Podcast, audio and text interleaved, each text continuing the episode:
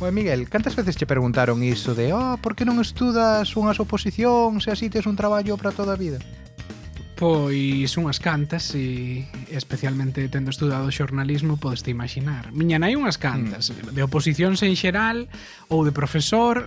Eu, de feito, algunha vez pensei en, en facer as de, as de profesor. De feito, hai moitos colegas que estudaron comigo na carreira que, que as fixeron e que sacaron praza e ahora están la mar de contentos. Pero a min o feito de ter que pasar o ano do mestrado de profesorado e despois os anos de estudar non me entusiasmaba e eu honestamente creo que a miña personalidade non vai moito coa rigidez do, do traballo de funcionario así que de momento, a pesar de que ás veces pululou e pasou pola miña cabeza eh, decidí non tirar por aí mm.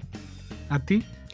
Pois, a ver, dicir así de xente que me dixese oposita non tanta, home, sempre hai algunha eh, se non hai ninguén que cho diga sempre pode recibir o, o newsletter de 20 que a semana pasada mandaron uno que poñía oposita e facéndose un pouco unha reflexión non tamén da xente que da cantidade de xente que está buscando eh, eso, saída no, no, no, no sector público. Pero a ver, eu nese sentido concordo contigo. A min a idea eh, do facer o mesmo traballo durante moito tempo con po poucas posibilidades de, de mobilidade ou de promoción dentro do que o, a mesma estrutura agobiame, agobiame un poquinho entendo que ten as súas vantaxes, pero creo que non é para min. E se hai algo que me horroriza particularmente é a idea de preparar unha oposición.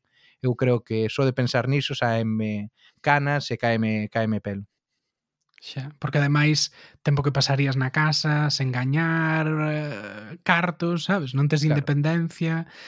Eh, bueno, sí, a verdade é que non é moi eh, moi atractiva a idea. Pois aínda que a priori non parezca un tema moi británico, hoxe imos falar das oposicións. Dentro intro. about Brexit. What, what's that? Like... Put your flags away, you're leaving, and take them with you if you are leaving now. The light, with the music. Very welcome everybody here. You're joking. There's too much politics going on at the moment. Hi folks, I've developed mild symptoms of the coronavirus. The nose to the left, 432. Would you like a cup of tea? Yeah, sure. Go on, have a cup of tea. Thank you, thank you. E cambiando de país, Miguel, ti no tempo que levas aquí no Reino Unido algunha vez pensaches en traballar para o Estado, para o Estado británico? Bueno, pensei no e intentei no, porque aí atrás saíra unha oferta de traballo para a Office for National Statistics, que ven sendo como Instituto eh, Británico de Estatística, o noso uh -huh. IGE, e, e buscaban un posto de, un, bueno, buscaban un xornalista de datos, e presentárame, E, bueno, finalmente non, non me colleran, pero, bueno, o proceso de selección a parte a que cheguei, pois era moi parecido mm. de calquera empresa. Unha non, non opositaches? No, non tiven que opositar, non tiven que pasar eh, anos diante dun temario atrapado en casa todos os días eh, chapando para despois vomitar temas, foi unha entrevista como para unha empresa privada na que simplemente pois, pues, preguntaban un pouco polo teu, pola túa uh -huh. experiencia, eh, pedíanche que lles ensinaras algo do, do teu traballo, do teu portfolio, e, claro. e pouco máis. A seguinte fase sería ir a, as oficinas e facer ali un, no día unha proba eh, técnica de redacción de código e solución de algúns problemas, pero vamos, nada mm, nada raro eh, se o comparamos cunha empresa privada. De feito, estou pensando agora que mencionas a Office for National Statistics que por aí tamén pasaron algúns xornalistas de datos relativamente coñecidos. Unha hora das, sí. que das eh, xefecillas do Wall Street Journal eh, saiu, non? Precisamente da, da Office for National Statistics, Sophie Worms. Sí, é dicir, é, é, un, é un departamento onde, bueno, pois buscase xente cun perfil profesional ou cunhas habilidades que teñen moito que ver co mm. que se pode facer no The Guardian, no Washington Post, no Financial Times, non, non é outra cousa máis que coller os datos que ten a administración e amosalos dun xeito bonito para que o lector, eh, eh, o cidadán, eh, o entenda. Claro. Eh, entón, bueno, pois eh, son habilidades que, que non che dá unha posición e que probablemente podes desenvolver claro. mellor se traballaches no sector privado. Claro, entendo, isto ten moito sentido, non? Que para facer iso e para facer iso ben, o que o que tes que valorar da xente é a experiencia, e alguén que pasase por por outras redaccións igual é máis valioso que, bueno, unha persoa que se memorizase un temario, non, nos últimos anos. Pero bueno, ese é o principal a principal cuestión da que imos eh, da que imos falar Oxe, a idea deste programa é, bueno, pois pues, compartir con, con todos vos o como nos chamou a atención a organización do traballo público aquí aquí no Reino Unido e sobre todo contrastando co que vemos en Galiza, porque a ver, non somos dunha xeración pois que se incorporou ao mundo laboral despois da crise de 2008, entón estamos moi habituados pois a, a precariedade, a temporalidade, a non ter seguridade no, no, no traballo e nas nosas eh, carreiras profesionais. Entón estamos vendo, aínda que nós estamos aquí, pois que moitos amigos, amigas, excompañeiros, excompañeiras de, de universidade están optando pola opción de, de opositar, non? E de, de dedicarse ao, bueno, a prepararse pois para un posto que, que, que, que lle estaría seguridade para para toda a vida. E claro, a veces aquí tamén reflexionamos de que quizá ise un sistema non sexa o mellor sistema, non? para, para recrutar traballadores do sector público, particularmente en comparación co que, co que vemos aquí. Ti, en xeral, Miguel, que opinas claro. do sistema de, de oposicións?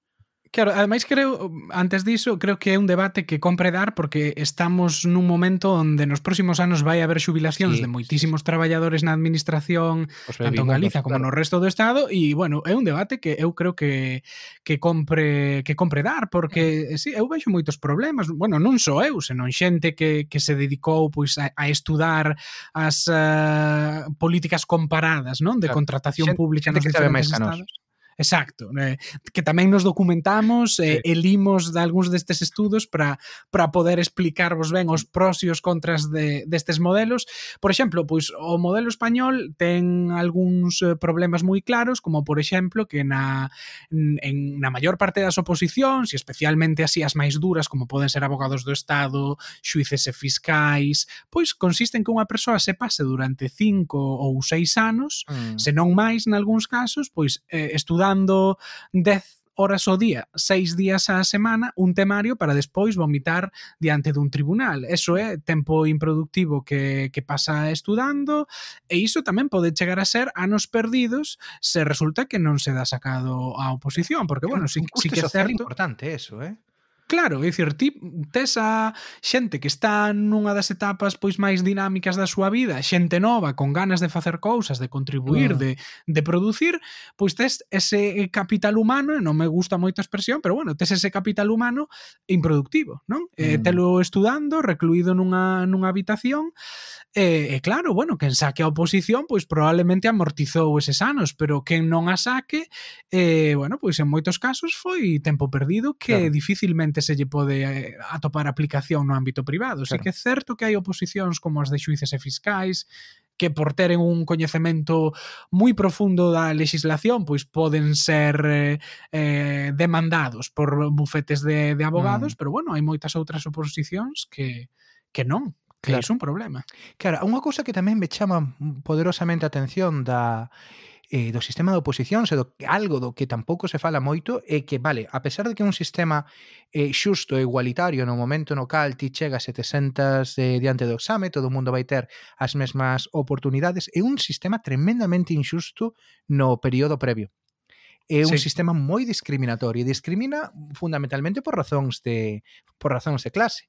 Quen se pode permitir eh, sendo un adulto gastar dous, tres, catro, ou como dis ti, para as oposicións máis difíciles, seis anos, dedicándose exclusivamente a estudiar a maiores do que xa estudaches previamente, non? Xa sexa claro. universidade ou, ou outros estudos. Iso solamente o pode permitir que teña financiamento eh, de papá e mamá ou, ou, claro. ou da parella.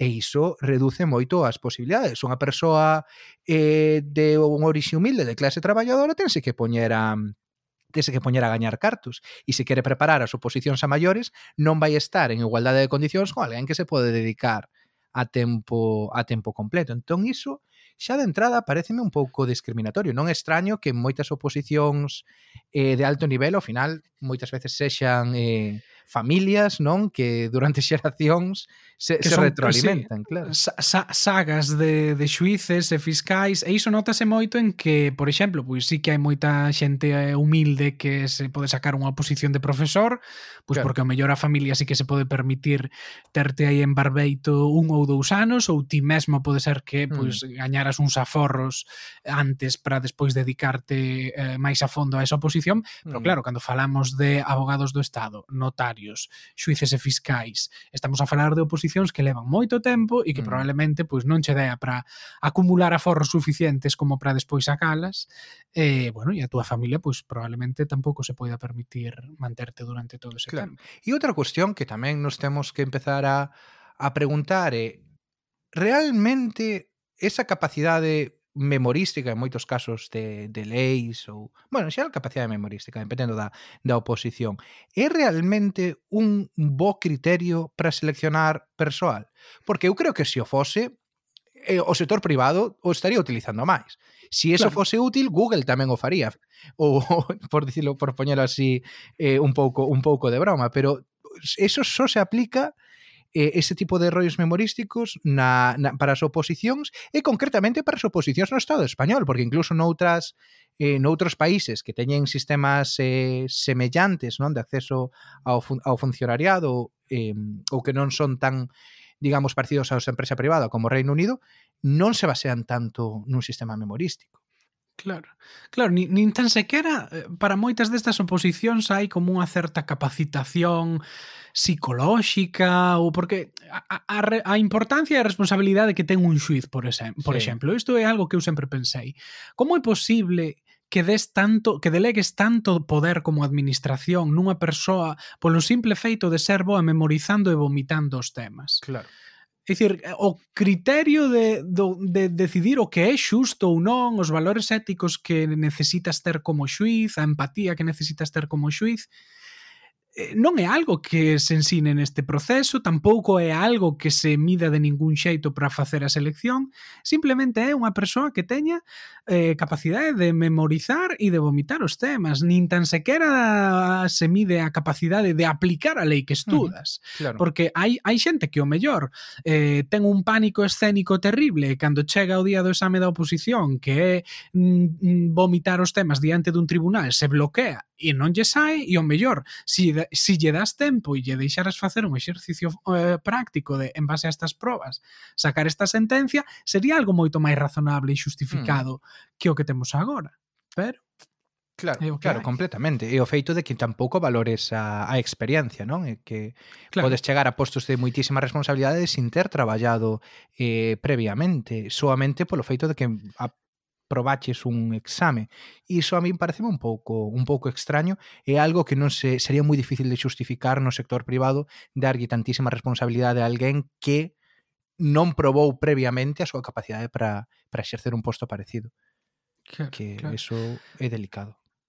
E ademais en relación co que falábamos antes dos postos da, da ONS e demais, eu sí que creo que un problema que hai na administración en, en España é o pouco intercambio que hai de xente que traballa na empresa privada e que vaya pa pública e viceversa, non? Uh -huh. É dicir, é, é algo moi ríxido que eu creo que pois eh, mm, facilita que se continúen coas inercias da administración pública que pode haber dentro sobre como funcionan as cousas, porque non chega xente de fora con outras ideas, con outras formas mm. de organizar os equipos, de traballar que, bueno, pois que poidan ser eh, ser mellores e, e, e o mesmo de outro xeito, non? Hai cousas que se poderían aprender na administración que se poderían levar tamén a, a empresa privada. Pre, penso que esa comunicación non existe sí. e, e que, bueno, que iso é un problema. Iso é algo que a claro. min sempre me chamou a atención aquí do Reino Unido, de ver a xente pois que un día está traballando nun ministerio e outro día está traballando nunha empresa privada sen falar aquí de portas xiratorias de ningún tipo, de xente que poda mover e ter influencias polos postos que claro haber unha sí, administración nos simples traballadores. Claro, creo que aí eh, hai, dou, hai dúas cuestións importantes non que creo que diferencian a, a administración británica da administración española. Unha é que hai moitas máis flexibilidade para contratar no sentido de que se un departamento X ten o orzamento e entende que agora precisa un posto, pois, eh, non sei, por exemplo, algo que estábamos vendo antes cando preparábamos isto, para o de por Ministerio de Sanidade, un xefe de campañas eh, de campañas de marketing para a vacinación, que é un posto hiperespecífico, bueno, pois saca, e con moita responsabilidade, sacas unha, unha praza, contrato de seis meses, e tes moita axilidade para para facer iso. É un posto ben pagado, se eu sou unha persoa que se dedique ao marketing e á comunicación e teño ese nivel de senioridade que piden, é atractivo pa, eh, claro. participar nunha, nunha cousa así, non? entonces creas un determinado tipo de postos que son moi específicos. Eh, son moi específicos, eh, moi mm, están moi ao día eh, en función do que do tipo de requisitos e do tipo de postos que podes crear. Hai postos tecnolóxicos tamén super específicos na, na administración. Pero claro, no caso da administración española é máis difícil porque tes es, as relacións e postos de traballo que son eh, moi moi ríxidas, leva moito tempo eh, modificalas pois para para incorporar a máis xente, non a moitas cousas claro. ten que ser funcionarios, non vale persoal laboral. Eh, é máis máis difícil, máis difícil fai non menos atractivo faino máis complexo que alguén quera dar o salto do público privado, pois porque non é do, do privado público, porque, bueno, non é tanto a do, non é tanto Hai a Barreiras. E bueno, e despois claro. outro xeito sair do público para o privado, pois é unha temeridade, porque quen deixa unha, quen deixa unha parza fixa ala claro. para ir a, ao risco privado. Pero bueno, eso quizáis sexa máis limitación do sector privado, que paga en moitos casos salarios de miseria e dá moita inestabilidade sí. que problema do público. Estaba pensando eu en transferencias do público ao privado eh, bueno, non é privado, pero estaba pensando na Xunta e en como precisamente o goberno galego e en España os gobernos en xeral están prácticamente secuestrados mm. por, por funcionarios e funcionarios e, e que funcionarios, porque non adoitan ser postos eh, claro. así baixos. Sí, no caso galego estou pensando, claro, Feijó el, el en si sí mesmo, en que fixo moito, leva moitos anos en postos eh, políticos, el de profesión era funcionario do Corpo Xeral da Xunta, non? Sí, algo así. Sí, Corpo Xeral da Administra eh, Corpo Superior da Administración Xeral da Xunta, sí. E Rueda, creo que Alfonso Rueda era secretario de Concello, sóname tamén, sí, ou seja, secretario municipal. Oposicións sí. estas destas das duras, non? Das difíciles. Sí, Sí, sí, é que, bueno, é iso, de 12, 8 son funcionarios e os outros 4 que non son funcionarios, pois varios deles tiveron uh, moita vinculación coa administración, se cadra máis pola vía política, porque, por exemplo, mm. eh, Tel Vázquez, a conselleira de Infraestructuras, eh, traballa desde, traballaba eh, como directora de Augas de Galicia, xa desde mm. aí bastantes anos, um, Fabiola García, pois estudou Dereito e eh, a súa experiencia laboral Basicamente estivo nos gabinetes da, da Xunta de Galicia, que son claro. postos pois dados máis a dedo de persoal de confianza. Mm. Ángeles Vázquez, a conselleira de Medio Ambiente, Territorio e Vivenda, fora alcaldesa de Melide, eh, prácticamente durante 20 anos, houve aí 4 anos que, que non gobernou uh -huh. o PP, pero antes diso fora concelleira e traballara na Radio Municipal de Melide eh, o único que non tivo relación co mundo da administración anteriormente fora Francisco Conde, o vicepresidente segundo e conselleiro de Economía, claro. que era economista e traballaba de profesor na CEU San Pablo de Madrid. Fora diso, o resto, pois eran funcionarios e con, con postos elevados, quero dicir, non eran así un, un profesor de infantil ou... Claro, a... non, eses, eses son todos do, do PSOE e do Bloque os, claro, eh, claro. os profesores eh, de instituto, Profes de gallego, mestres, claro. esos son é o que enche Director os grupos parlamentarios e claro, da oposición. Claro. Claro. E hai un problema, eu creo, non? Un problema, decir, que, claro. que os gobernos, ao fin e ao cabo, que logo isto non creo que teña que ver tanto con como funciona a selección dos traballadores públicos, sí. Eh, como co feito de que no sector privado pois é unha precariedade absoluta e ninguén se pode arriscar probablemente a deixar o seu traballo nunha empresa porque claro. se a aventura na política sae mal eh, pois o mellor despois volves se estás no paro e tes pero... riscos de represarias bueno, Exacto, sobre todo se si non é un partido claro. digamos afín a, afín a, a, a, a, a, a, Claro. claro, a, entón, bueno a, Pero a ver, este é un podcast eh, sobre o Reino Unido, así que agora creo que toca pois facer un pouco de, de política comparada. Vamos coller Exacto. eh, algúns postos e vamos a empezar a dicir que tes que facer en Galiza ou no Estado se queres chegar aquí e que tes que facer no Reino Unido. E vamos a dar casos reais, eh? Aquí temos, botamos un ollo aos temarios e botamos un ollo a, as ofertas de traballo que se, que se publican na, na administración británica. Así que, a ver, Miguel, con que, con que profesión empezamos? A ver, imos comezar cun profesor, e en concreto un profesor da especialidade de, de físicas. Eh, uh -huh. Pode haber diferente, diferenzas por comunidades autónomas, pero no caso de Galiza agora mesmo, se ti queres ser profesor de físicas na, en educación secundaria, primeiro de todo o que tes que ter é unha licenciatura. Uh -huh. Despois tes que facer o mestrado de profesorado, o que antes se coñecía como CAP, que é un ano de mestrado, que ten as súas prácticas, e unha vez tes o mestrado feito, podes eh, eh, comezar a preparar as oposicións. Uh -huh. Neste caso, os exames eh, a oposición consiste en dous exames. Un primeiro exame, que por así dicilo, trátase de demostrar máis o teu coñecemento da disciplina uh, pois eh, para que va a ser profesor, neste caso físicas, hai un temario de, de 75 temas no, no caso de Galicia e, bueno, tes dous exercicios onde pois, tes que demostrar eh, o teu coñecemento. Un é máis práctico, outro é máis de desenvolver un temario que che toca e iso sería o primeiro exame. E o segundo exame eh, eh, tería máis que ver coa rama pedagóxica. Uh -huh. Tes que facer unha exposición ante un tribunal uh, do que sería un eh, programa didáctico dun curso e despois pois tamén eh, che tocaría un tema, unha unidade didáctica que terías unha hora para preparar ali e presentar diante do tribunal. Entón, bueno, esa é a oposición e ti despois eh, sacas unha nota que non necesariamente che garante un traballo. Hmm. Despois eh, están o que se coñecen como os concursos, cando saen as prazas, as famosas tamén listas de espera para xente que o mellor pois non saca unha nota moi alta na oposición, non sacou praza inmediatamente, pero pois están nas listas, se se cadra poden chamar para cubrir unha baixa eh, ou calquera tipo de incidencia e aí pois entra en xogo a nota que sacaches eh, nos exames da oposición e tamén outras variables como os puntos extra que che pode dar pois un certificado oficial de idiomas, de inglés, de portugués ou de francés que pois eh, suma puntos de cara a estar mellor colocado nas listas e por así dicilo pois ter máis probabilidades de, de que cando haxa prazas pois te mm. toque. Eso sería sería, en resumidas contas, eh, como é o proceso de selección en Galiza dun profesor de físicas. Como sería no Reino Unido? Mi má, xa casi, tío, xa, a, esgotoume eh, solamente a enumeración de, de pasos que hai que facer. Bueno, no Reino Unido van por partes, hai similitudes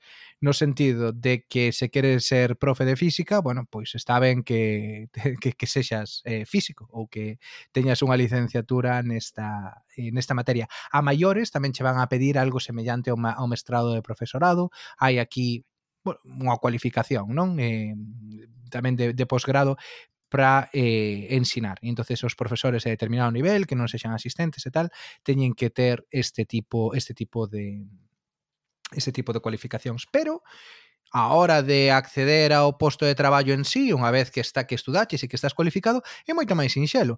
Eh, vale que aquí o sistema público de, de educación é lixeira, bueno, lixeiramente super distinto ao sistema da alá, hai moita variedade de distintos tipos de escolas que están financiadas íntegramente polo Estado e polas cales non tes que non tes que pagar para entrar, algunhas teñen máis control, digamos, dos concellos e outras son máis independentes e están xestionadas por por ONGs a pesar de que siguen estando financiadas eh, polo, público. Pero bueno, eu fun quizáis o máis restrictivo. Fun a coller un exemplo real eh, dunha oferta de traballo nunha escola eh, financiada íntegramente polo sector público e controlada por un concello de Londres, concretamente polo concello de Harrow. E claro, pois ti vas á súa páxina web e tes unha oferta de traballo de tres páxinas no que che din tes ganas de... gustache dar eh, física? Eh, queres participar ou ser parte dunha escola que, que te motive e que contribúa ao teu desenvolvemento? Pois nada, aquí ao que che piden é que teñas experiencia dando clases de física e que mandes o teu currículum, esencialmente. entonces tens que escribir unha aplicación, bueno, unha solicitude na que pos os teus datos, onde diches clase, que tipo de escolas eran, e despois, se lles gusta o teu currículum, chamante a unha entrevista e, e aí está. Se lles gustas, eh, contrátante, e, e pista, e xa, te, e xa, xa estás traballando, e se, lle, se non lles gusta como como execut, bueno, como traballas, pois poderán te despedir. Claro, é dicir algo moito máis parecido que é poderíamos igual. atopar en calquera empresa privada. É exactamente igual o, o procedimento. Entón, bueno, pois pues así, así como eres, pois te convertes profesor, en profesor ou profesora de física no Reino Unido. Claro. Bueno, pois a rama dos profesores está cuberta, que máis uh, funcionarios ou postos para administración imos comparar? Pois vamos ao contrario, que é o contrario dun profesor, un policía, que Eh, a ver, vamos a, a ir de volta ao Estado español. Que tes que facer se queres ser policía no, no Estado? Bueno, pois pues tes que pasar unha serie de de probas, basicamente creo que son 4 ou 5, que miden a túa aptitude física, os teus coñecementos, evidentemente tamén tens que pasar un recoñecemento médico e vai haber unha entrevista persoal e psicotécnica, non? Pero quizáis o que do que máis se fala cando entrevista ou cando falas con alguén que, que quere ser policía é da parte dos coñecementos teóricos, que é o que unha vez máis volvemos a encaixar coa parte memorística non das oposicións que é o que máis eh, esforzo lle require o que máis tempo máis tempo lles leva a preparar. E claro, como exactamente igual que nas, na, nas oposicións a, a profe de física que, que falaches, pois hai un temario. En este caso, eh, segundo podo ver na páxina do, do Ministerio do Interior, un temario de, de 41 temas, eh, vale que a parte máis grande, pois, digamos, é a das ciencias xurídicas. Son, digamos, tres grandes bloques, ciencias xurídicas, ciencias sociais e materias técnico-científicas. Eh, as ciencias xurídicas polo que teño entendido son as máis difíciles, nos que falan pois de dereito constitucional, de dereito comunitario, da organización da Administración Xeral do Estado, eh, etcétera, etcétera. Pero a mí hai, o que chamoume particularmente a atención outras eh, outros temas que Claro, tamén che leva a pensar en que igual non estando todo actualizados, non? A veces as cousas que se requiren aos, aos opositores. Eu leo aquí tema 30 da, das oposicións ao poli, de, de policía, partes e funciones básicas dun ordenador, sistema operativo Windows, definición e funcionamento básico, iconos e objetos, gestión de las unidades de almacenamiento, organización de los datos en unidades, partes y funcionamiento del escritorio, el explorador de Windows, la papelera de reciclaje, muy importante esto, el panel de control. parecen, parecen os cursos de ofimática para a, a terceira idade, Sí. no centro social de Somé, de monelos aí na Coruña. Tal cual. Bueno, pois este este o, o programa, bueno, entonces ten unha vez que aprobas isto e se despois tamén pasas o resto de, de probas físicas e médicas, entón é xa cando vas á academia que creo que ten unha duración duns meses, menos dun ano, e onde xa che dan máis formación, moito máis específica e moito máis relacionada pois co que vai ser o teu traballo máis relacionada que entendamos coñecer a papelera de reciclaxe do, do, de Windows ou eh, non sei, unha serie de leis que poderías consultar en internet en calquera momento. Eh, pero si sí, vas a esa academia e despois tes un período de prácticas eh, e finalmente pois, xa rematas sendo policía de, de pleno dereito. No Reino Unido é distinto, hai certas similitudes, pero é distinto. De entrada, eh, creo quizáis os criterios de acceso sexan de formación previa sexan un poquinho máis exixentes no sentido de que basicamente hai dúas vías de, de ingreso eh, ou tes unha, un grau ou equivalente a un grau ou eh, te conviertes en aprendiz na policía e ao final do teu período de, de aprendiz vas a rematar cunha titulación equivalente a un grau. Bueno, realmente cun grau, un grau en, en policía. Pero durante ese período xa estás contribuindo algo ao corpo, Totalmente, non? Xa durante ese día xa, eh, xa estás traballando, é unha é como como os antigos aprendices da Bazán ou doutros eh, doutras uh -huh. empresas. Comezas é unha parte de estudo e unha parte traballando e xa estás cobrando, non? Desde desde o principio. Eh, pero o que máis me parece interesante non é tanto o que faz nese período de, de formación, que son tres anos se eres un aprendiz, ou dous anos se xa tes unha carreira eh, previa, é como accedes aí.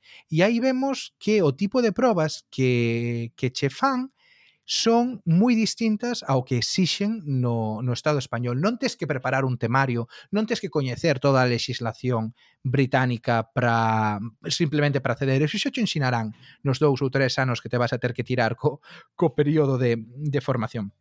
É moito máis sinxelo, tes que facer unha solicitude online, despois vas a durante un día eh, tamén vas ter que facer unhas probas eh, tamén desde, desde a casa online, no que che van a preguntar sobre eh, as túas eh, as túas competencias pois para lidiar en distintas en distintas situacións, eh, vanche poñer eh, casos prácticos e preguntarche como como actuarías, vanche pedir que escribas eh, que escribas algo, e, e ademais así xa faz o tic do feito de que eres capaz de manexar un buscador, non? E un, unha ferramenta digital, non, non foi falta meter no temario. E, e nada, e despois con, con iso, se si están contentos cos resultados, pasas a seguinte fase, na cal vas ter que estar durante dous días pois nun centro de avaliación, no que che van a facer as probas médicas e físicas que tamén lle eh, son similares a, as, do, as do Estado español e a maiores pois vas ter que facer algúns exercicios eh, de rol ou algunhas entrevistas, algunhas preguntas específicas para coñecerte un pouco millor despois vante van facer un, si pasas aínda esta fase, van facer un, un veto, van a investigar un poquinho o teu pasado. Unha cousa curiosa, si eres ou fuches membro dun partido de extrema dereita, non podes ser policía. É dicir, vale. si, si fuches membro do British National Party, que non falamos un partido super pequeno, eh, que o BNP tivo dous, dous eurodeputados. Si non hai tanto, en 2010 ou así. Si fuches membro do BNP, non Sigue existindo agora. Sí, pero bueno, eh, creo pero que legalmente, sí. non? Creo que legalmente sí, sigue existindo, pero tivo un montón de tivo un montón de decisións e e xa non xa. xa non ten xa non ten peso. Pero claro, entende que non podes ser policía se si, eh, apoias unha organización supremacista porque non claro. estarías tratando a todos a todas as xentes co, eh, como igual. Bueno, entón en España pois eh, probablemente en torno, non sei, un 60, 70% do corpo policial estaría sin traballo, non? Bueno, igual non son non son membros, non directamente dunha dunha organización. Bueno, ah, de feito hai pouco eh saliu que, que votaron a un policía eh, por porque descubriron que, que era membro dunha, dunha organización destas extrema dereita. -huh. E nada, e con isto pois eres policía. Bueno, rematas, eh, pasa, e unha vez que pasas estas probas, entras no teu período de formación que durará eso dous ou tres anos dependendo de si tes carreira ou non e xa está, xa eres eh, xa eres policía, é outro outro sistema completamente distinto, moito máis doado, creo, sí, eh, en acceder. A, Eu antes de reparar nestas diferenzas, eh, lembrome que a nai dunha amiga eh, que é policía, comentárame un día, eh, así en plan de broma, mm. eh, bueno, por que non te presentas a policía, que non se cobra mal, é fácil entrar, e eu, mm pensei que como é o proceso e contoume que era así moi doado que de feito ela tiña un compañeiro que, que era español que acababa de entrar e que levaba no país pouco tempo mm. de, bueno, pouco tempo, 5 ou 6 anos claro. e que tampouco falaba o inglés de maravilla quero dicir, claramente era era inmigrante e entrou de policía mm. e, e non era policía en España pero bueno, claro. aquí como saída é fácil entrar eh, se te aburres podes sair pois claro. mira, unha opción máis Si, sí, eso tamén me chama a atención, non? Que hai moita xente que sai, que despois se dedica a outras cousas e tamén xente que entra, claro. que entra moito máis maior, que igual con 30 e pico ou 40 anos entran, aínda entran a policía. Claro, que non é algo que ali non, non, non esa, esa mm. cultura, non, de, de son policía, pero deixo para facer eh, irme a outro traballo, non, mm. non, non existe, non? Home, haberá xente que se poda pedir excedencia, pero non é o habitual. E tamén co caso da policía hai outro hai outra cuestión que tamén me chamou a atención, que hai moito rol. Isto é cando falamos de policía clásico, de Bobby, de do tipo este que vai patrullando as rúas, pero dentro do que son os corpos de policía hai mogollón de postos que, que non non precisan realmente que sexas policía. Si queres traballar en cuestións máis de analista ou incluso axudando, sabes? axudando e apoio no que a resolver crimes, non simplemente ser eh, administrativo ou en cuestión outras cuestións de inteligencia, non necesariamente tes que ter o rango de policía. Podes entrar e solicitar outros postos que podan existir existir aí, que tamén é algo que, que me chamou a atención. Tamén aí son son un pouquiño máis máis flexibles. Xa. Pero bueno, falando de cal é o seguinte, que nos toca? Xa temos profe, temos poli, a que lle vamos a dar Ah, agora? Agora toca pois un posto máis eh, elevado da escala alta da administración que é o de xuiz e que eu aquí é onde vexo máis diferenzas eh, nos dous modelos, no modelo español e no modelo británico, porque no modelo español agora mesmo tes eh, penso que son alrededor de 350 temarios que tes que estudar mm. para oposición e nesa oposición pois tes eh, tres exames é unha oposición a que te podes presentar nada máis remates a carreira de Dereito, non se che exixe ningún tipo de experiencia laboral previa, e tes un examen tipo test, un primeiro examen tipo test, e despois tes dous exames que consisten en ir ao Tribunal eh, Supremo en Madrid é eh, recitar os temas diante do tribunal, uns temas que che tocan o azar mm. eh, nunhas, nunhas bolas. Entón, bueno, pois eh, niso consiste o, o exame e a proba de selección. Ten moitas injust, hai moitas injustizas neste proceso, unha delas é o feito de que eh, hai un número de prazas limitado que se vai asignando a medida que eh, se van celebrando os exames, eh, se van celebrando estas eh, sesións recitando os temas diante do tribunal. Entón, se poñamos por caso hai 100 prazas, eh, a data na que o opositor vai cantar os temas eh, pois este, está calendarizada é un tanto aleatoria, podeche tocar ao final de todo ou ao comezo de todo. Se tes a mala sorte de que che toca ao final de todo e xa se repartiron, xa se asignaron as 100 prazas que quedaban, eh, pois quedaste sen praza. Mesmo se ti, sendo o último opositor que se presentaba, fuches ao mellor recitando os temas e fixeches a exposición máis clara, máis completa e máis exacta. Quedaches en praza. Non é que se canten os temas e despois haxa como unha reescoita de todos, mm. non. É dicir, o proceso, as prazas vanse asignando así un pouco a criterio do tribunal. Iso parece particularmente eh, ineficiente, ademais. Eh? particularmente ineficiente. Ademais que é, é pura memorística, é dicir, lógicamente, pois tes que ter unha certa comprensión do que do que estás dicindo, pero pero é simplemente eso. Entón, se sacas a nota mínima e, e o tribunal considera pois que que debes pasar, pois pasas eh, e a praza é túa e eh, despois pois tes un período de, de formación na, na escola eh, xurídica que, bueno, para os xuíces, porque estas oposicións son de xuíces e fiscais, para os mm. xuíces é dun ano, para os fiscais penso que é, é, é menos tempo ou, ou case un ano para xuíces, pero bueno, así é a oposición, é unha persoa que sae da carreira, se si é moi espabilada, pode ser que con 26 anos pois xa estea traballando como xuiz. Mm. No Reino Unido o sistema é completamente distinto. Para empezar, necesitas como mínimo cinco anos de experiencia eh, como abogado ou noutro tipo de rol, pero vinculado sempre ao mundo legal uh -huh. e, ao, e ao proceso judicial. É dicir, enténdese que necesitas ter unha experiencia previa nese, nese sector, nese mundo, antes de poder dar o salto a ser xuiz.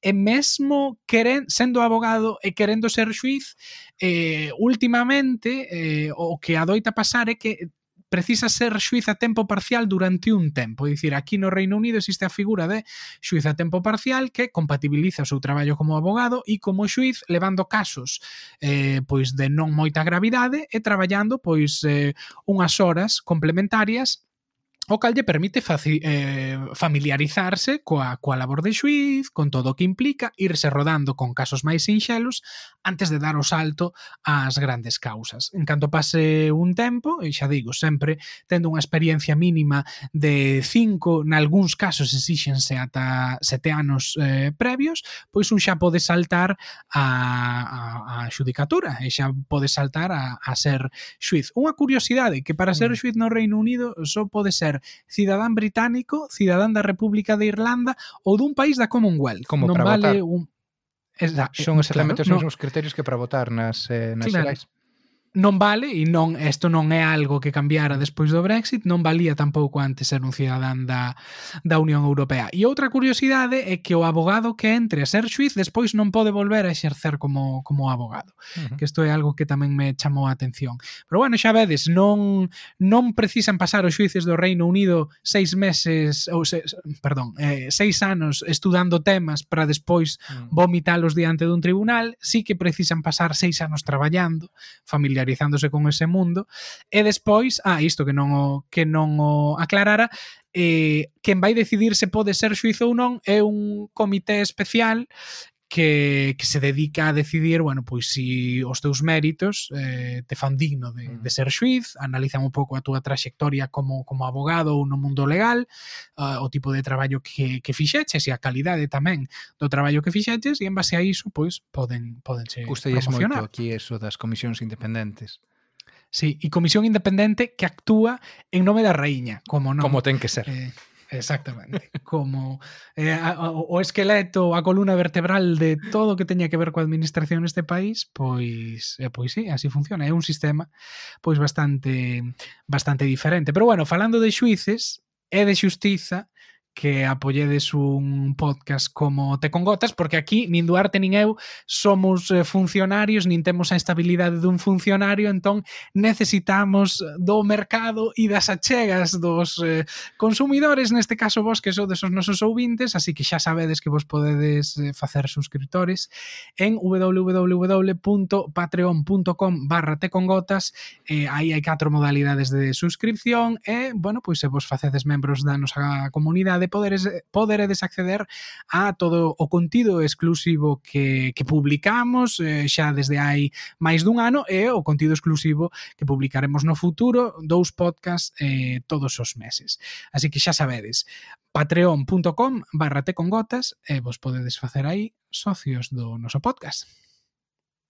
E para falar da cuestión da contratación pública, que é millor que entrevistar a unha persoa que xa pasou polo Te con Gotas. Creo que a primeira vez eh, que repetimos entrevistado trátase de Serafín eh, Pazos Vidal, que seguramente xa recordaredes dun programa que fixemos hai uns meses sobre a cuestión escocesa. Serafín é mm, xefe da oficina de Bruxelas da Convención de Autoridades Locais Escocesas, que ven algo ser algo así como a FEGAMP pero a súa, na súa versión escocesa. A maiores o seu traballo eh, en Bruxelas, el é politólogo e eh, doutor en, en Unión Europea cunha tese sobre gobernanza multinivel e un bo coñecedor dos distintos modelos de contratación pública que existen no noso entorno. Ola, Serafín, moitas grazas por repetir aquí no Te con Gotas. Ola, boas tardes e, e grazas por, por invitarme de novo.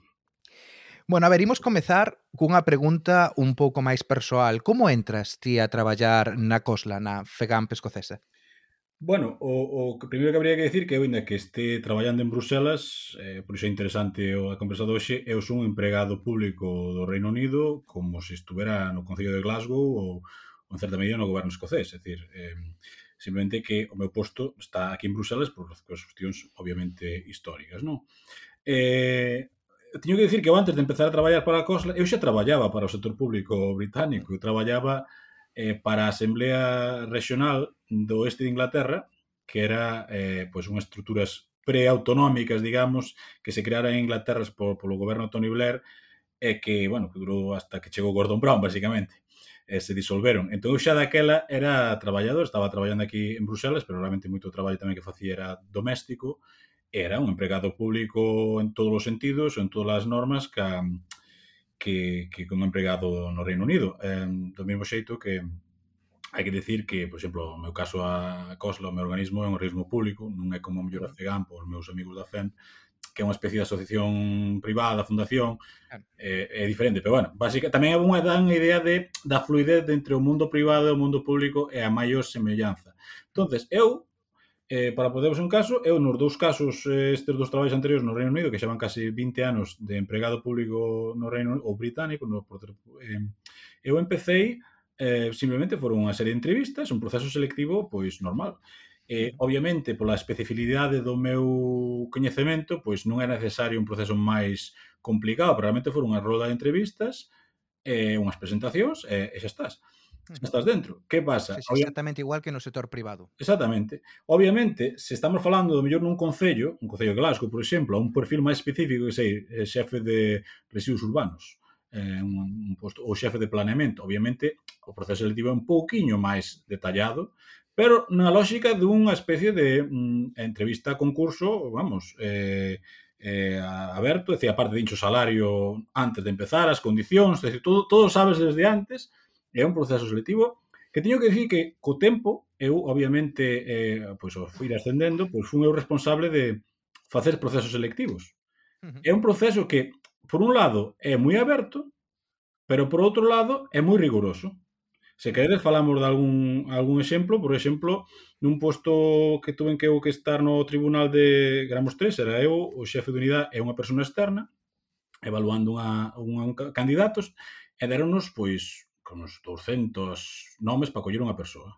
Uh -huh. E, e podo dicir que, por exemplo, relembro dun caso no que viña unha persona, pois unha señor, un señor de... Quen vos dá eses 200 nomes? É recursos humanos? Ou como eh, sí, sí, normalmente isto vai por unha pero realmente é un, pois, un compañeiro que é o que se encarga de recursos humanos. Eh, eu tamén tuve a sorte que sempre traballei en organismos relativamente pequenos, de 100, 150 persoas. É dicir, obviamente, canto máis grande, máis burocrático, pero bueno, a lógica é sendo a mesma. E, por exemplo, nun algún caso, pois iso, un proceso selectivo, era increíble o riguroso que era, na medida en que eu a veces chegaba un candidato que me mandaban o currículo, obviamente, anonimizado, e tiñes que graduar unha especie de mm, plantilla, pois todos os criterios, non? Uh -huh. Eu, pois obviamente, algún caso raro, como eu que sei, un señor de que era xeógrafo ruso de 60 anos. Eu, para o perfil, desgraciadamente, non era tal.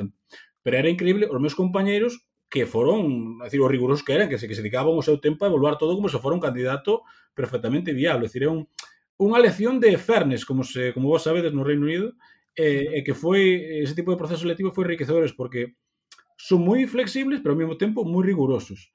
eh, diríamos tamén eh, o servicio civil, que é o, o máis equivalente ao funcionario de español, eh, é un pouco máis riguroso, e xa un máis problemas psicotécnicas, Decir, é un proceso xa máis estruturado, eh, pero digamos que tamén relativamente sinxelo.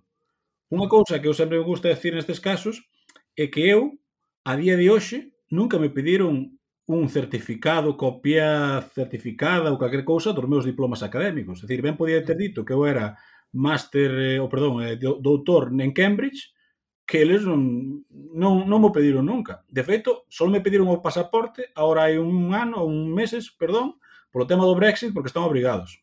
Pero hasta agora ni sequera me pidieran que era se eu tiña dereito a decir, ya, este señor pues será español, eh, podrá traballar no Reino Unido sin problema. Es decir, hasta ni sequera, nunca me pidieron nada hasta, pois, pues, por cuestións legais, hai, hai uns meses. Tú para darvos unha idea do diferente que é o sistema do que obviamente eh, xa coñecemos no caso no caso español, non? Chámame a atención co, te, Claro, a min chamame a atención niso que dis do tema dos certificados porque, bueno, hai pouco aínda descubrín que, por exemplo, para aquelas persoas que se queren presentar a unhas oposicións a mestre en Galiza, pois necesitan un certificado, por exemplo, uh, para que se lle dean puntos de recoñecemento de coñecemento de inglés, necesitas un certificado oficial de Cambridge, que é un certificado que te puideche sacar hai 6 8 anos e non volviches tocar inglés na vida, e, sen embargo, se si eres un traballador que estivo durante os últimos 10 anos traballando no Reino Unido Unido usando diariamente a lingua inglesa, pois non terías ningún tipo de, de recoñecemento. Necesitas sí ou sí ese, ese certificado. Bueno, son un pouco... Eh, tal cual, eh, tal cual, de feito, aí un tema interesante que é a inexistencia do dereito administrativo. É dicir, o que hai que entender para entender como sistema británico, pero tamén do norte de Europa, eh, é a ausencia de dereito administrativo, ou no casos, en algún caso escandinavo, no que sí que existe o dereito administrativo, non tenga esta colonización absoluta que se deu do dereito administrativo polo, eh, polos abogados do dereito administrativo da administración pública española. Porque hai que decir que a administración pública española, obviamente, é unha copia remedo da francesa, como, como todo o sistema institucional español dos últimos 200 anos, ou incluso 300, eh, pero é a versión ibérica. Entonces, é dicir, en Francia non hai, a me hai funcionariado de por vida e tal, pero non para nada este estes sistemas medievais de que son realmente da herencia da herencia castelán. Isto de este estudio, esta forma curil de, de estar pechado na túa celda durante tres anos memorizando como se foron os salmos, que normalmente neste caso en vez de ser os salmos son as leis, pero digamos que o que se produciu no caso español, sendo un pouco mmm, caricaturizando, foi un híbrido entre ese modelo francés meritocrático, funcionarial, que, ven, eh, que creou Napoleón como especie de soldados sen armas, que é o que se como foi a crear a administración francesa, un dereito administrativo propio para mm, marcar unha diferencia entre o réxime anterior, o antigo réxime e o novo Estado moderno, Pero en España iso levouse a ese híbrido co, coa España de sempre, entonces coa España mm. coa Castela de sempre, entonces é un modelo tamén, iso de que non te podan votar, en Francia poden te votar, é, dicir, é raro, pero poden te votar. En Portugal eh, que é un sistema parecido ao francés, tamén te poden votar. Eh, eh, eh ou polo menos poden te evaluar. É dicir, non é isto de, de ter praza en propiedade, un concepto totalmente medieval que desgraciadamente non só existe en España, e no caso galego tamén, senón que se considera como fundamental. Eh, eh, eh, incluso, por certo, particularmente arraigado entre os sectores máis progresistas da sociedade. Uh -huh. Eso no caso británico e no corto norte de Europa non pasa. E iso, pois, supón unha maior flexibilidade á hora de reclutar, unha maior flexibilidade á hora de promocionarte, non supón unha desventaxa á hora de eh, condicións, porque, digamos, os convenios colectivos do sector público británico pois son moi bons, moito mellores cor do sector privado. entonces realmente aí estamos moi protegidos. Que pasa? Que se hai unha crisis grave, como cando foi a crisis anterior, eh, a vos, a vos, igual a vos o lembrades, porque xa estabades no Reino Unido, creo, que hubo nalgúns casos que se votaron a, que se non había cartos para pagar a policías e houve que despedilos. Uh -huh. eh, a incluso xuices. O cal, no caso, no noso modelo é impensable, porque sea a columna vertebral do Estado, non? Pero uh -huh. digamos que eh, polo menos non a este sistema absolutamente medieval que existe desgraciadamente en España que ni sequera é o sistema francés meritocrático elitista, este que tanto se fala ahora da Escola Nacional de Administración, que tal, pero bueno, xa non gustaría nos ter ese modelo francés e non ese remedo castelán, castela de Castilla, digo, eh, is, eh, eh, francés que, que é o que desgraciadamente, aínda despois de 40 anos de democracia, temos a todos os niveis de goberno. Porque, Serafín, para ter unha idea das dúas caras da moeda, eh, antes falabas de como foi o teu proceso de selección no, no Reino Unido. Se tiveras que optar a unha praza similar en Galiza, como sería ese proceso de selección? Uh, moitas gracias por esta pregunta. Un pouco da ao peo que decías antes. Bueno, eu teño 20 anos de experiencia profesional como xestor público de pois, pues, cun certo nivel, acreditado unha experiencia, eh, publicación sobre o meu tal. Isto, no caso español, non me valería para nada. Porque, para empezar, nin sequera podría acreditar moitos das cousas que fago porque obviamente eh, pois existen probas documentais pero non isto que queren en España certificados eh, compulsados e tal o meu nivel de inglés, sí, porque teño un título de inglés tamén de cando era estudante que xa verás, de dai 20 anos para cá o que, o que podría valer ou non eh, moitos, moitas eh, eu non teño unha memoria laboral porque no Reino Unido non existe como tal. Entón, ponte ti a, eh, se che pide unha memoria laboral, no caso de que sea o caso, en España, mm, como, como, como demostras ti pois, cando non existe o documento de memoria laboral? Eh, aí atrás, eh, pois, de unhas conferencias nunha institución pública, eh, e, bueno, pois, había unha certa, pois, unha certa, bueno, pois, un certo detalle que tiñan comigo, non? E pedíanme cousas ridículas como que eu acreditara que tiña unha conta corrente en Bélxica. E eu pensando, e a ti que che importa? Mm. É dicir, esa mentalidade desa colonización absoluta e absurda do dereito administrativo pois supón unha auténtica rémora eh, no caso do noso que non supo, que non existe, simplemente non existe. Para darvos un caso, na miña organización, que é unha organización que obviamente se dedica ao análise de políticas públicas e a negociación, creo, se non me equivoco, de 150 personas non hai ningún só abogado. Temos, obviamente, un gabinete de abogados para cuestións de contratos e tal, non? que unha asesoría externa, pero ningún dos nosos compañeiros creo que os que máis ten formación xurídica son eu, porque aparte de ser politólogo, pois, polo meu perfil académico, pois a case a metade eh, do meu perfil é, de dereito público. Pois, son eu, de feito, moitas veces cuestións xurídicas así de sector público, moitas veces acaban chegando a mí por eso. Vos imaginadevos calquer gabinete de nada, de un concello, de un nada, unha entidade mínima alá que non foran casi todos abogados. Sería impensable. Pero iso non é unha cuestión racional, iso é unha cooptación ao longo do tempo dun certo tipo de profesionais. Fálese en España non do directivo público profesional, pero bueno, non é no, para nada no caso eh, como caso británico, é dicir, estamos falando unha vez máis de funcionarios, é dicir, eh, E iso é, son as grandes, eh, digamos, en diferencia do problema que incluso, hasta eu, non digo por min, eu digo, por exemplo, por xente galega que ten traballos importantes eh, no Reino Unido como médicos ou, bueno, cousas así máis máis, máis, máis, máis, máis técnicas que a miña, digamos, máis que leva moito máis anos de estudo e de traballo, para xustificar moito o que fan, se queren volver é prácticamente imposible, cando lóxico sería que houbera pasarelas para que toda esta xente que estuvo por fora Pudera, poder incorporarse e aportarse talento, en vez de estar aí, reclutar a chavales de 25 anos que se votaron 4 anos encerrados no seu cuarto chapando leis. Eh, obviamente eh, é un tal, pero obviamente cal é a, cal é, porque non se fai, porque hai un mercado un mercado eh, laboral no caso español dual entre os de dentro e os de fora, entre os que están quentiños e os que están en temperie.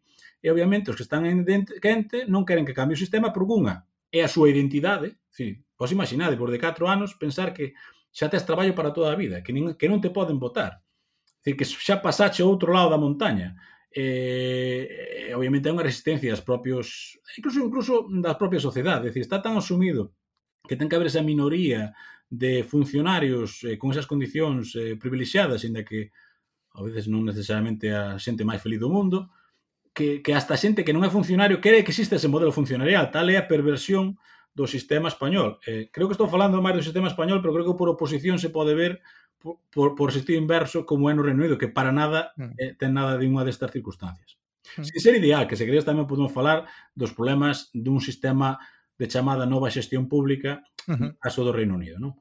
se cubriremos eso nun momento, pero quereche preguntar ou, por unha cuestión que menciona, mencionaches, que o que ti ao que ti te refires como colonización por parte do dereito administrativo pois da, da función pública e o feito de que haxa tantos tantos abogados ou tanta xente que ven do, do mundo do dereito. Por que crees que iso? É pola propia natureza das probas, eh, como diste memorísticas. Gustoume moito a metáfora que utilizaches de, de casi relixioso, no? Isto é Napoleón reinterpretado por un bispo castelá. Claro. Eh, pois pues eso, cal crees que é a, a, a razón desa, desa colonización? E, efectivamente, cando tes un sistema de administración pública no que se prima é a regularidade e non a eficacia, eh, o sistema francés o que buscaba era unha regularidade, que buscaba un sistema, o sistema francés, cando creou Napoleón, o que quería eran soldados, decir, quería xente que eh, obedecera. Eh, que pasa? Que mm, para iso creouse un sistema de dereito administrativo que era unha lei separada da lei normal, da lei privada, como no Reino Unido, como non haber, decir, eh, os, os, os tribunais eh, os tribunais eh, normais tamén eh, entenden casos de, de decisións das administracións. A propia noción da administración tampouco existe, non? Tal como entendemos no, no caso noso. Entonces o que quería Napoleón era unha xente que eh, abecera un código propio, non? Unha especie de código separado. Un, Eh, que pasa? Que mm, o creas unha dinámica pola tal a xente eh, ten que saber ese código para estar dentro do sistema. Entón acabas naturalmente colonizando a xente que o, o conocemento básico do dereito administrativo antes que outras cousas obviamente estou caricaturizando, non? Eh, uh -huh. Que pasa? Ao chegar aos casos español que, claro, aí é que eh, as inercias históricas de como se reclutaban os cadros na, administra na, na, na, na administración da coroa española eh, mezclas unha cousa con outra e creas este auténtico auténtico monstro, non? Que se non eres unha persoa que ten ese perfil, pois moi difícil o podes eh, podes podes entrar na, na administración, é dicir, son son son, son inercias que son moi difíciles de evitar pero non inevitables. E digo por eso porque Portugal, eh, Bélxica, eh, Suecia, eh, Finlandia, son países que nunha mellor noutra tiñan dereito administrativo.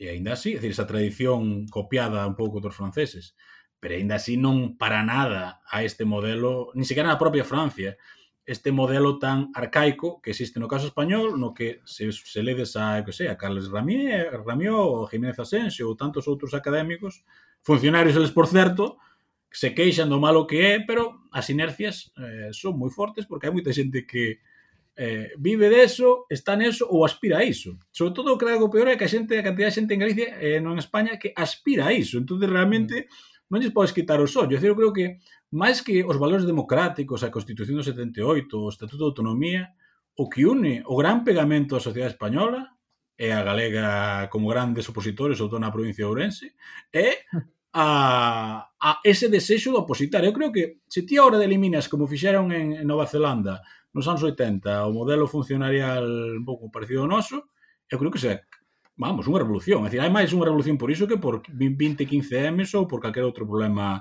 eh, societario, creo eu.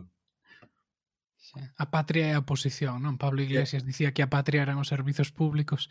Eh, pode ser que, que a patria realmente sexa... Eh, hai unha bonita historia eh, apócrifa, vamos deixar así, que hai un, un alto cargo de Podemos que deu clases eh, pois, na universidade, como tantos outros, e que foi exalumno de varios compañeros meus. Ex profesor de varios compañeros meus. E el, no momento de broma, dixo que os de Podemos meteranse en, eh, en política porque non había forma de conseguir unha praza de funcionario na ah. Academia Española porque estaban todos copados pola xeración que se entrou na, durante a expansión universitaria enorme de principios 80. Como esa xente ainda está aí, ainda non se xubilou, ainda empezas a xubilar agora, pois había que facer algo e acabar montando un partido político. Digamos que é un conto apócrifo, pero que ten unha certa realidade para describir toda unha serie de dinámicas que existen no caso galego e no caso español. Sí. E bueno, estamos falando moito dos casos de, de España, do Reino Unido, de Francia, pero ti tamén traballas moi próximo a unha estructura, unha administración de recente creación, por así dicilo, como é a Unión Europea, onde pois tamén existen sistemas de, de contratación de, de traballadores, de servidores públicos da, da Unión. Por que modelos se, se optou neste caso? Pois é un caso interesante porque é eh, precisamente un, un híbrido. É dicir, originalmente a administración da Comisión Europea é como a administración francesa do ano 56. Tal cual. Basicamente eh, foi, foi así. Pero, eh, co paso do tempo, vexo que era obviamente eh, que unha Unión Europea que se expande na cantidad de cousas que hai que facer, só xente que sepa de, pois eso, basicamente, de dereito do comercio, agricultura, e, eh, decir, catro cousas, pois a Unión Europea empeza a dedicarse máis cousas. Entón, estábase quedando como moi anquilosada, estaba sendo unha típica caricatura de administración como a nosa que entendemos como moi burocrática, moi procedimental e pouco eficaz. Entón foi cando chegou o, o comisario eh, vicepresidente da comisión no seu día Neil Kinnock, no seu día eh, líder laborista fracasado tres veces durante diante de Thatcher, que non se ocorreu outra cousa que eh, en 2004 cambiar o estatuto eh, e crear un, un método novo mm, parecido ao británico Tamén, digamos, pola esperanza de que mm, no Reino Unido eh, creo que opositaban de 100.000 personas a postos da administración cada ano, creo que o 1% eran británicos.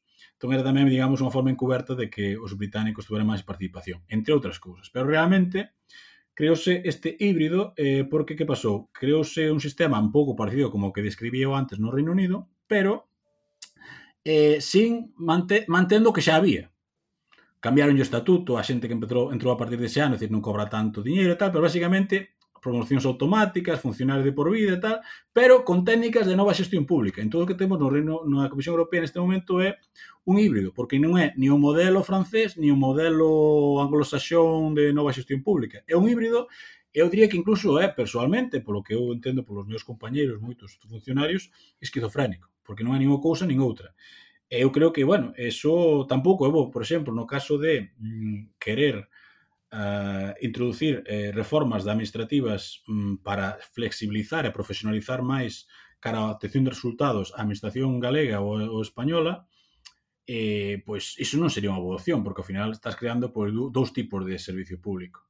Habría que ver modelos máis graduais, como pode ser o caso en Portugal, o caso en Bélxica, onde pasaron dun modelo tan tradicional como o noso, algo que sigue sendo o modelo francés, por simplificar, pero que ten moito máis fácil entrar, moito máis fácil promocionar, moito máis centrado nos resultados, ca no caso, ca o modelo, ca o modelo noso, caricatura do, do francés. Non?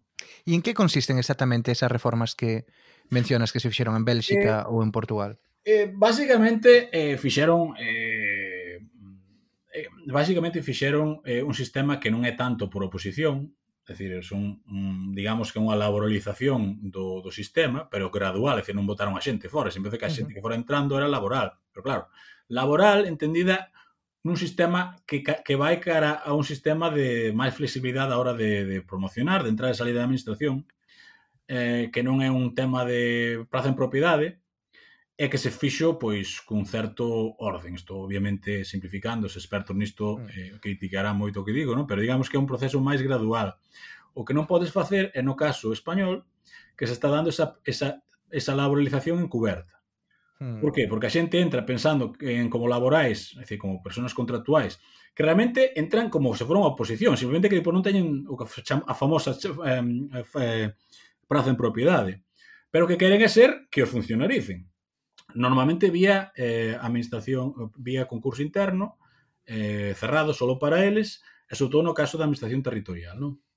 Eh, que pasa? Que ao final pois, é un sistema esquizofrénico porque non, ah, non dá para tanto o sistema, non podes ter tantos funcionarios con as condicións tan privilexiadas, eh, non digo en sentido populista, é dicir, teñen moi boas condicións que son funcionarios. Entón, ao final, como non hai para todos, tes a toda esta xente dos Sergas eh, os servicios psiquiátricos, eh, os servicios públicos esenciais, pois mal vivindo, dando, traballando mal, malas condicións, porque non tes nin a estabilidade dos funcionarios, nin a maior flexibilidade, maior, eh, con, mellores condicións que existe nun sistema puramente eh, laboralizado ou, ou digamos, máis dinamizado. Tes unha, unha especie de purgatorio.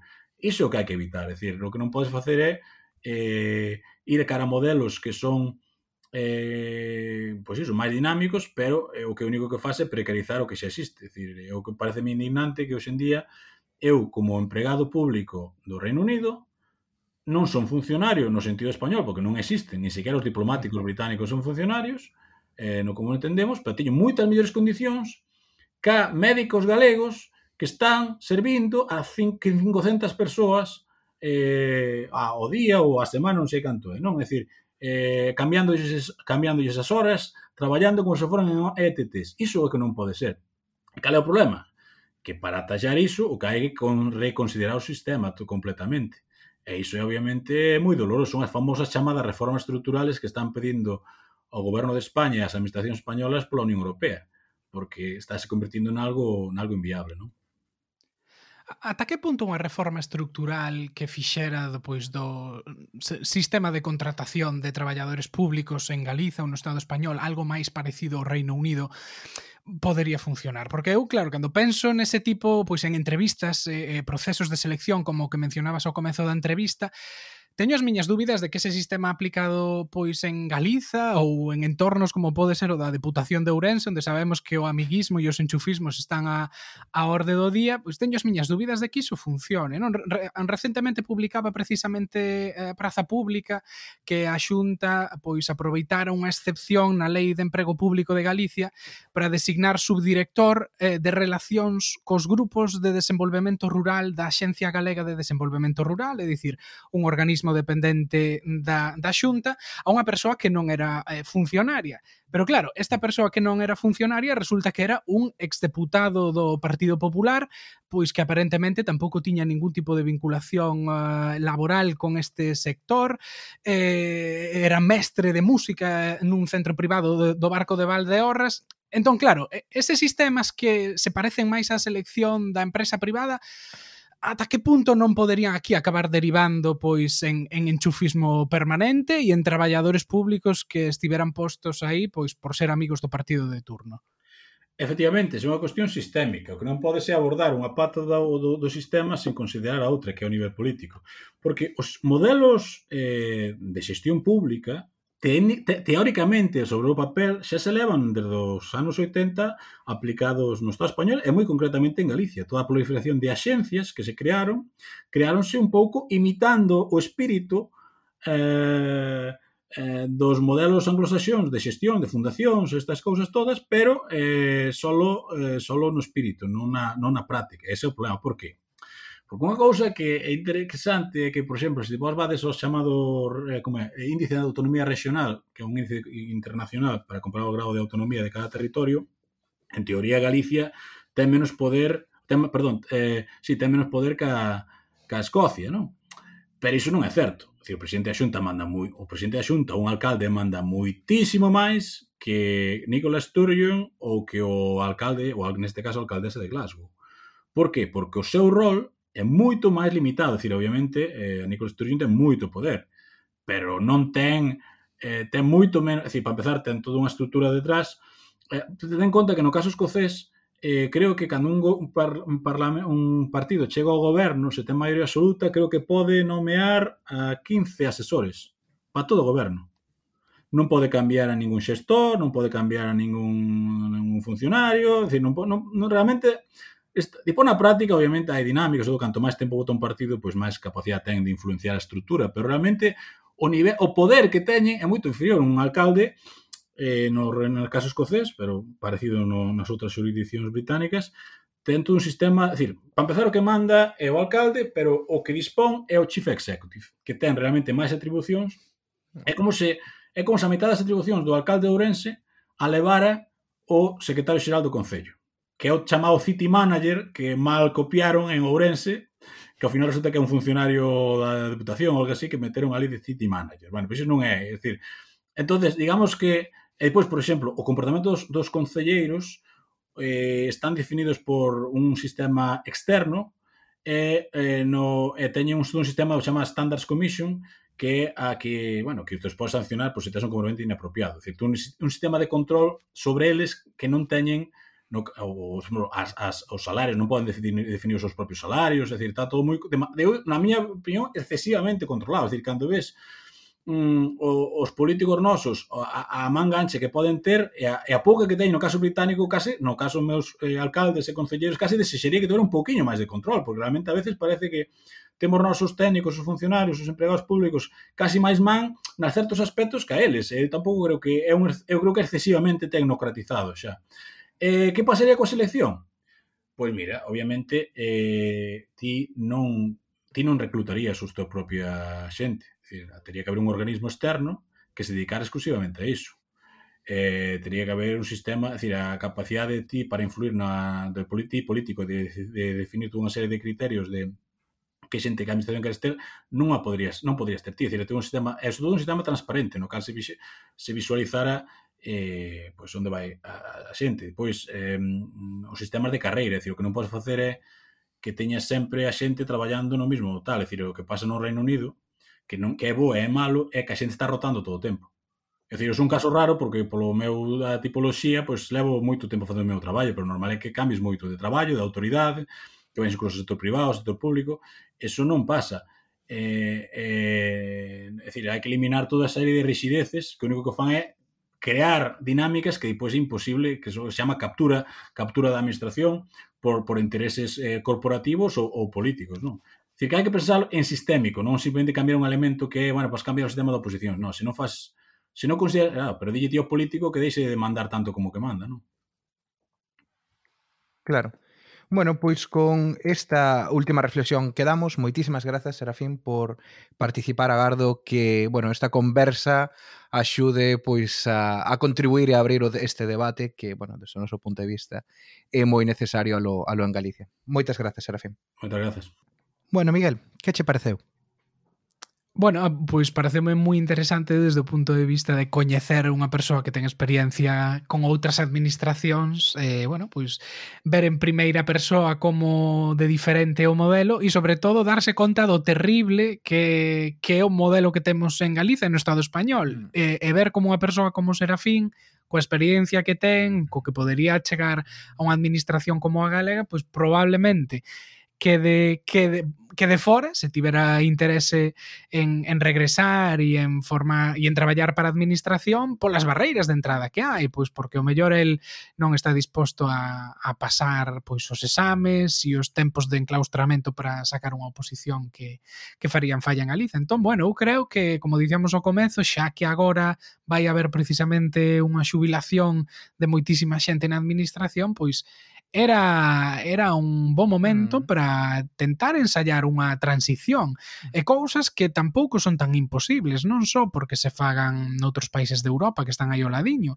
senón porque na medicina, por exemplo, o MIR é unha forma de convertirse en funcionario e en traballador público moito máis uh, práctica eh, eh, que ten un exame pero que non implica estar estudando durante tres anos. Eh, despois ten unha formación durante cinco anos na que exerces e vas aprendendo e formándote a medida que traballas non? Entón, bueno, eu creo que que habería que, que tentar eh, mudalo porque eh, precisamente porque a administración de todos son os traballadores que pagamos todos e debera de funcionar como un reloxo e do mellor xeito posible. Sí, completamente. Eh, tampouco é que nós teñamos aquí unha, bueno, unha axenda ou un programa sobre como reformar iso, pero sí que mentre estivemos facendo este proceso de documentación, sí que vimos que hai xente no, no Estado traballando e insistindo en isto, non? en que se poden facer moitas cousas incluso dentro do marco vixente para eh, aumentar a cantidade de, de persoal laboral, o cal permitiría tamén que a administración fose máis máis flexible ou introducir probas eh, máis semellantes a, ao MIR para outras para outras profesións, que eso está moi parecido ao modelo alemán, porque eu tamén entendo que haxa moita xente que non queira un modelo como británico, non? Que na cal administración sí, funcione como como empresa privada, tendo en conta, porque a min tamén me daría certo medo de facelo así nun país coa coa cultura da corrupción que ten en algunhas administracións, non? E algunhas esferas políticas tamén me daría medo eh, que a contratación fose fose tan flexible e tan pouco independente. Entón, eh, bueno, eh, vexo, entendo que hai riscos, non queremos tampouco contrapoñer o Reino Unido como a panacea e como un modelo que non ten Para eh, problemas fronte fronte ao Estado español, pero sí que creemos que hai que hai marxe, que toca empezar a facer determinados cambios porque hai cousas que, que non se explican. Agora ben, tamén che digo, Miguel, que eu non, non sei ti, pero eu non son particularmente optimista sobre as posibilidades de que isto sexa viable políticamente cambiado. Fundamentalmente por dúas cuestións. Eh, porque se si é a esquerda quen quere liderar este cambio, ibas a topar con moitísima reticencia das, das organizacións sindicais. E se é a dereita quen quere liderar este cambio, ibas a topar moita reticencia, pois, por moitos corpos de altos funcionarios que, que nutren o seu os seus altos cargos de, de partido, non? Entón, pareceme pareceme complexo que calquera partido vaya vaya a meterse neste neste berenxenal cando non creo que ni sequera sexa algo que reclame que reclame a sociedade. A sociedade acepta, como dicía Serafín, esta esta situación, non? Claro, a patria e a oposición, non? Uh -huh. E efectivamente, bueno, é certo que en momentos como este, onde desgraciadamente o desemprego e a precariedade son un problema, pois a oposición e, e traballar para a administración é a saída que lle permite a moita xente pois ter un futuro estable e uh -huh. unha e unha certa tranquilidade. Entón, bueno, pois falar tamén de acabar con iso pode pode xerar oposición de moita xente que que agarda poder poder estar nese nese grupo uh -huh. de, de funcionarios e ter esa estabilidade laboral. Pero bueno, ata aquí o podcast de hoxe agardamos que axudar a, a estimular un pouco o debate uh -huh. e dar a coñecer pois o que acontece coa administración noutros países da, da nosa contorna e que realmente é posible cambiar as cousas E nada máis por esta semana. Xa sabedes que nos podedes seguir en redes sociais, en Twitter, en Facebook, en Instagram e que tamén pois vos podedes eh, suscribir ao noso newsletter para recibir todos os mércores pois as últimas novidades do que acontece no Reino Unido. E tamén xa sabedes que se non sodes suscriptores, aí tedes o noso Patreon onde pois vos podedes eh, facer membros da nosa comunidade pagando pois tan só alrededor de 2,5 euros ao mes, que non é nada. Se sodes máis generosos, podedes pagar ate 10 euros ao mes, pero bueno... Iso sodes funcionarios, vos... 10 euros, eh? Exacto, sodes funcionarios poñedei 10 euros e ademais dámosvos unha taza do té con gotas, chegavos, tedela ali para ir tomar o café na hora do café. Non, isto é broma. Non hai aquí ningunha enquina cos funcionarios. No, eu, de feito, veño de familia de funcionarios, miña nai, miña tía, meu tío, son todos funcionarios. Eh, pero bueno, eh, iso, que se queredes, eh, pois podedes colaborar e contribuir co, co noso podcast.